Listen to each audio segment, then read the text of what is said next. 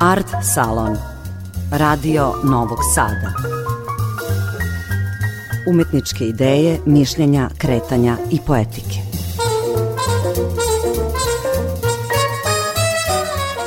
Dobroveče, slušate Art Salon Radio Novog Sada, ja sam Aleksandra Rajić, a moja večerašnja sagovornica je kustoskinja Bijana Ćirić.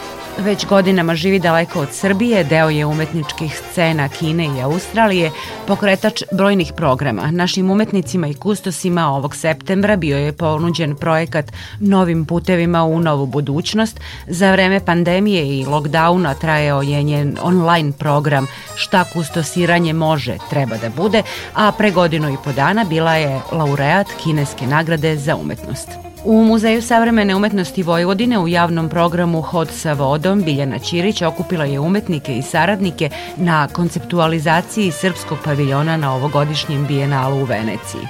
Polazna tačka bila je upravo izložba Hod sa vodom Vladimira Nikolića, čiji je kustos bila, a tema nova saznanja i promišljanja o umetnosti u svetlu svih velikih promena u ovom našem vremenu.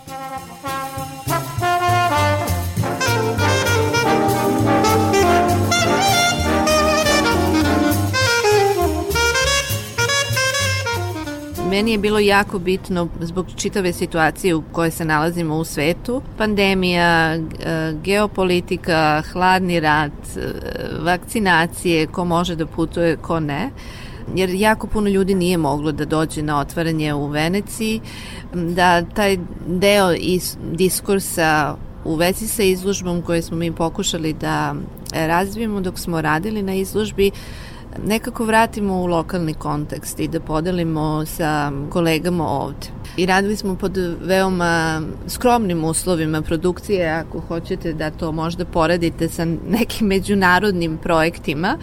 E, mislim da smo izvukli minimum i onda kada se završila izložba ja sam e, kontaktirala Mariju Karan koju sam upoznala preko Hans Ulrich Obrista koji je E, direktor Serpentin galerija u e, Londonu, da nam se pridruži i da pomogne da u stvari uspemo nekako da odradimo taj trodnevni simpozijum uh, ovde u Srbiji. Jer uopšte nismo imali stava da, da, da se to uopšte desi, jer obično kad se izložba otvori u Veneciji, to je otvoreno i to bude tamo i onda to je to otprilike. Ali meni je bilo bitno da se dovedu kolege iz različitih delova sveta i da se podele te nek, ta neka promišljanja koja su možda postala intenzivnija tokom pandemije, neka promišljanja održivosti našeg načina života, odnosa sa, kako to se na engleskom kaže, more than human world, ja to ne znam kako se kaže na srpskom, Um, tako da je to neki moment um, kada dolazimo zajedno i provodimo vreme da promišljamo o tim nekim stvarnostima ili našoj svakodnevnici. Ta vaša kustoska metodologija o kojoj govorite, rekla bi se na prvi pogled upravo sadrži te neke pojmove i te neke situacije zajedništva, iskustva, zajedništva, solidarnosti, nekih novih promišljanja, nekih ustaljenih pojmova. To nije nešto čemu nas uči ova savremena civilizacija. Na čemu zasnivate zapravo svoju tu metodologiju? Pa znate šta, ja jedino mogu da kažem da ja zasnivam neku svoju metodologiju i svog rada kao kustos. Znači ja sam otišla iz Srbije 2000. godine, nisam otišla na zapad, otišla sam na istok, nikad ne shvatajući šta to znači. Onda sam počela da radim u Kini kao kustos. Kada sam ja krenula da radim tamo, infrastruktura i sistem savremene umetnosti nije postoje. Znači to je bila neka underground scena. To su bile zajedništva umetnika koji su verovali u neke svoje poglede i neke svoje vrednosti koje mislim su jako nekako uspeli, koji su jako uticali na mene čak i do današnjeg dana.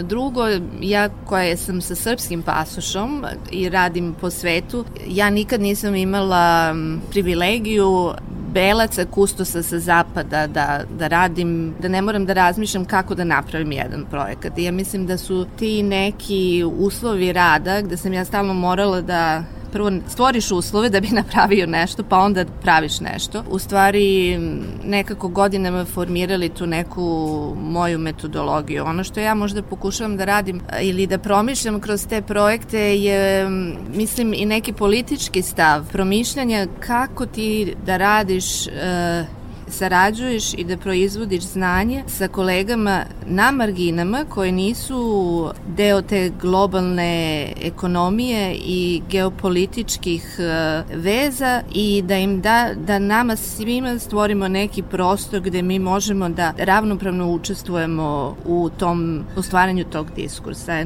I mislim da je to meni kao čoveku i kao kustosu jako, jako bitno. O čemu zapravo govorimo? O odnosu centra i provincije u, u, toj, u tom nekom umetničkom svetu, umetničkoj sferi? Ne znam da li ne bih koristila reč Gruba. možda provincija, margina, ali jer uvek, naravno, margina može isto da postane centar, ali u stvari naši odnosi, naročito u svetu umetnosti, su u stvari bazirani kroz ekonomiju između dve zajednice, znači bilo centra i margina. Mislim, pogledajte sistem u Srbiji, znači mi e, smo povezani sa Austrijom, Nemačkom i ne znam kojim zemljama, baš zato što one konstantno imaju te neke funding options za, za naše umetnike i, i stalno se dešavaju te neke stvari, ali recimo nemamo vezu sa Etiopijom, nemamo vezu sa Kinom, nemamo vezu sa Centralnom Azijom, znaš, ovaj, koje, i možda su ti neki konteksti i lokaliteti mnogo bliži načinu stvaranja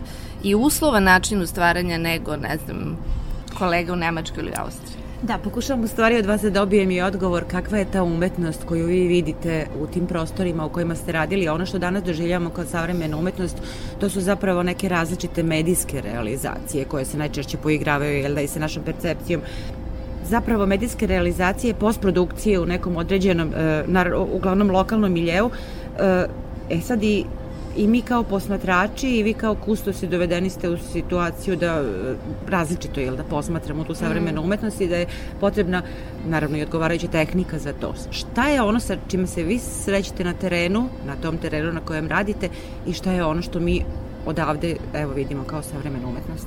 E pa ne znam šta vi odavde vidite da. kao savremenu umetnost. Uh, sve te prakse su vrlo raznolike što se tiče medijuma. Ako, razmis, ako mislite na medijum kao, ne znam, da li je video, da li je painting, da li je performance. U to Europi, je, Australiji isto, i Etiopiji. To, to vam je svuda sada isto. I to je neki globalni nije trend, ali globalni stav, znači umetnici koriste različite medije, ali šta je bitno je, mislim, bar za mene, je ono što se ne vidi, znači kao kustosa, znači kako, koja struktura ili infrastruktura stoji iza te proizvodnje i iza tih uh, veza, jer to mi obično ne govorimo o tome i to nije deo nekog uh, otvorenog javnog uh, diskursa, ali meni je to politički jako, jako bitno da, da promišljamo kako su te veze nastale i zašto recimo zašto su bitne, mislim kakvi uslovi proizvodnje i kakvi uslovi rada su proizveli taj rad, bez obzira koji je medium. Da, ali istovremeno ste u svojim projektima i autorefleksivni, odnosno razmišljate i o ulozi kustosa. Za kustosa se uglavnom kaže ima, e, osoba koja ima moć. Da, upravo ste. Mislim da ono što jeste činjenica da e, kustos je onaj koji obično u mnogim slučajevima ima taj neki autoritet, kako moja koleginica uh, Suzy Quinlan kaže da care for, znači da brine o čim vi možete da budete u poziciji da brinete o nečemu, bez obzira da li to kolekcija, da li to zajednica, da li to pojedinac, onda vi imate taj neki autoritet, moć, vreme da, da brinete o nečemu. A sad, ja sam kroz godine svog rada pokušavala uvek da, da to malo preokrenem da bude da brineš sa. Jer ako si sa, kao što je naša izložba hod sa vodom, onda ta neka, taj neki autoritet i ta neka moć bude i na meni i na onom sa kim ja to radim. Znači, ovaj, i meni je to jako bitno. Ja obično opisujem moju kustošku poziciju kao hodati sa nekim, bilo to je umetnik ili neko sa kim radim ili uh, zajednica i mislim da je to nešto što je budućnost neke naše prakse gde ta neka međuzavisnost može da bude malo dublje promišljena u kustoškom radu, jer mislim, znaš, kustos je mnogo više nego od, od kustosa koji, znaš, pravi izložbe. Ja mislim da je naša pozicija jako kompleksna i sastoji se od mnogih delova. Ja sam pre započeli smo novi edukativni program prošle, prošlog ponedeljka i imali smo jednu radionicu gde se pitamo, znaš, gde kustoški posao počinje i gde se završava. Da li se on završava sa jednom izložbom? Naravno da ne. Jer, mislim, ja sam radila sa Vladimirom na izložbi u Veneciji, ali ja nastavljam da hodam sa Vladom, zato što ja idem u Vladin studio, ja pokušavam da razumem šta on radi, tako da, da, mislim da naša neka pozicija u, u svetu infrastrukturi i umetnosti je mnogo više nego, ili treba da bude mnogo više od tog jednostavnog uh, editorial work, ne znam kako se to kaže na srpskom. Uređivanje. Uređivanje, znači ja mogu sad da uzmem tvoj rad, tvoj rad i onda to napravim. Mislim, to je ovaj, šta ljudi obično misle da je kustos, da. A, istovremeno, postoji li neka povratna relacija, povratna sprega zapravo ta umetnost kojom se bavite, e, koju posmatrate, ne oružava li vas nekim novim senzibilitetom? O, svakako. Ja mislim da je to najlepši deo mog posla, zato ga jako, jako volim, jer konstantno učiš i konstantno te dekonstruišu, stvarno dekonstruišu moje znanja, moje očekivanja, moja razumevanja svoje pozicije u umetnosti i mislim da je to neka lepota rada sa, sa umetnicima, sa kolegama. Da vam dam primer, ja sam radila, već tri godine radim na projektu koji mnogo puta svile sa kolegama iz Etiopije, Centralne Azije, Kine i Balkana ja sam toliko toga novog naučila radeći sa kolegama iz Etiopije. Prvo sam naučila koliko je naša realnost totalno fragmentirana i naučila sam da u stvari slušam i njihovu tišinu, da ponekad kada oni ne govore na sastanku da to nešto znači.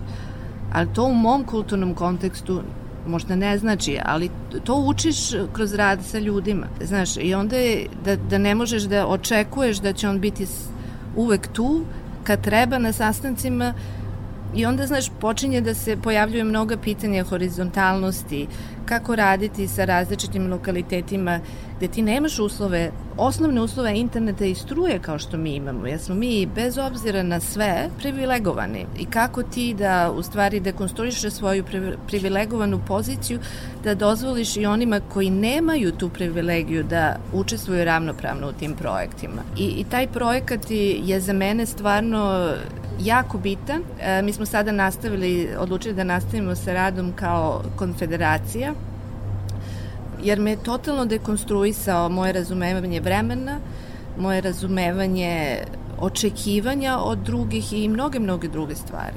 Čemu vas je e, Šangaj, na primjer, naučio? Rekli ste da ste imali dodira sa istinskom underground scenom da. u Kini. Pa ja mislim da sve što sam ja naučila, mislim ja sam se formirala kao čovjek kustos tamo, ja to uvek e, govorim na svojim predavanjima, e, sve me je naučila. Mislim, ja sve što znam o kuriranju sam tamo naučila i zahvaljujući Šangaju ja sam imala mogućnost da budem da postanem deo međunarodne scene jer zahvaljujući Kini i Kine... Uh, je Kina deo međunarodne scene? Koliko naravno, Kina da? da, jako, jer Kina sa svojom globalnom ekonomijom je i privukla interes uh, mnogih muzeja, institucija iz celoga sveta da budu deo Kine, da učestvuju u toj ekonomiji, da izlažu kineske umetnike i, i ja sam postala deo toga, da toga ne bi bilo i te kineske ekspanzije ne bi bilo ni mog kustoškog rada, niti moje kustoške karijere, iskreno da vam da vam kažem, ali naučila sam, ja sam imala divno iskustvo radeći, započela sam u prvom muzeju koji je izlagao savremenu umetnost, koji je bio državni 2004 to su neka iskustva koja su jako, jako bitna, gde sam mi imali recimo e, budžet e, samo za plate, vodu i struju u muzeju I za sve što hoćeš da radiš moraš da ideš da nađeš novac. Ja sam bila jako mlada, 26 godina, ali sam se, nalaziš se u situaciji kad moraš da sediš i pričaš sa, kad možeš da sedneš ispred gradonačelnika i da mu ga ubediš da ti da novac i da on veruje u, u to što ti veruješ. Ovo, I tako sam ja... Pa znaš šta, nije to prodaja, ja to zovem contamination, znaš, moraš da ga nekako uvučeš u taj tvoj emotivni, intelektualni, afektivni um, svet gde, gde on stvarno veruje da, to, da ti veruješ prvo da je to jako bitno da se desi. I da ako se to ne desi, da ćemo svi nešto izgubiti.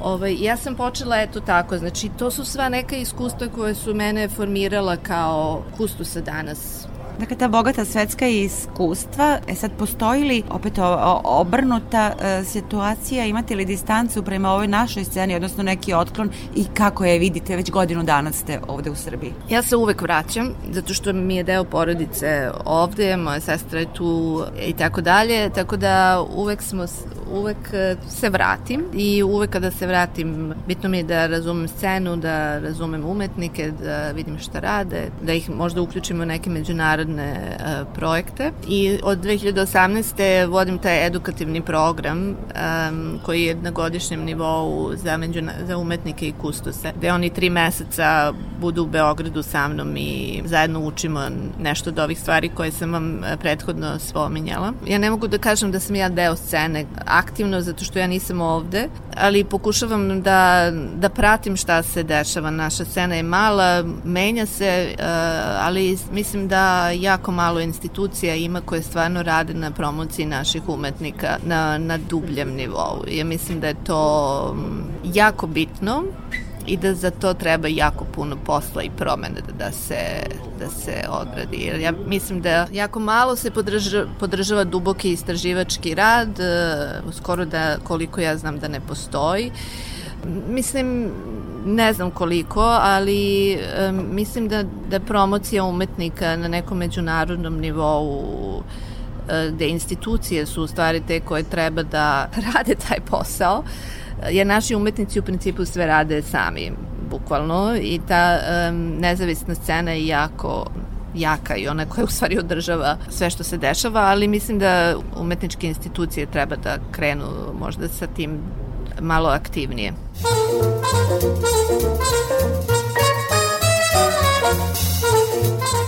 Slušali ste Art Salon prvog programa radija Radio Televizije Vojvodine.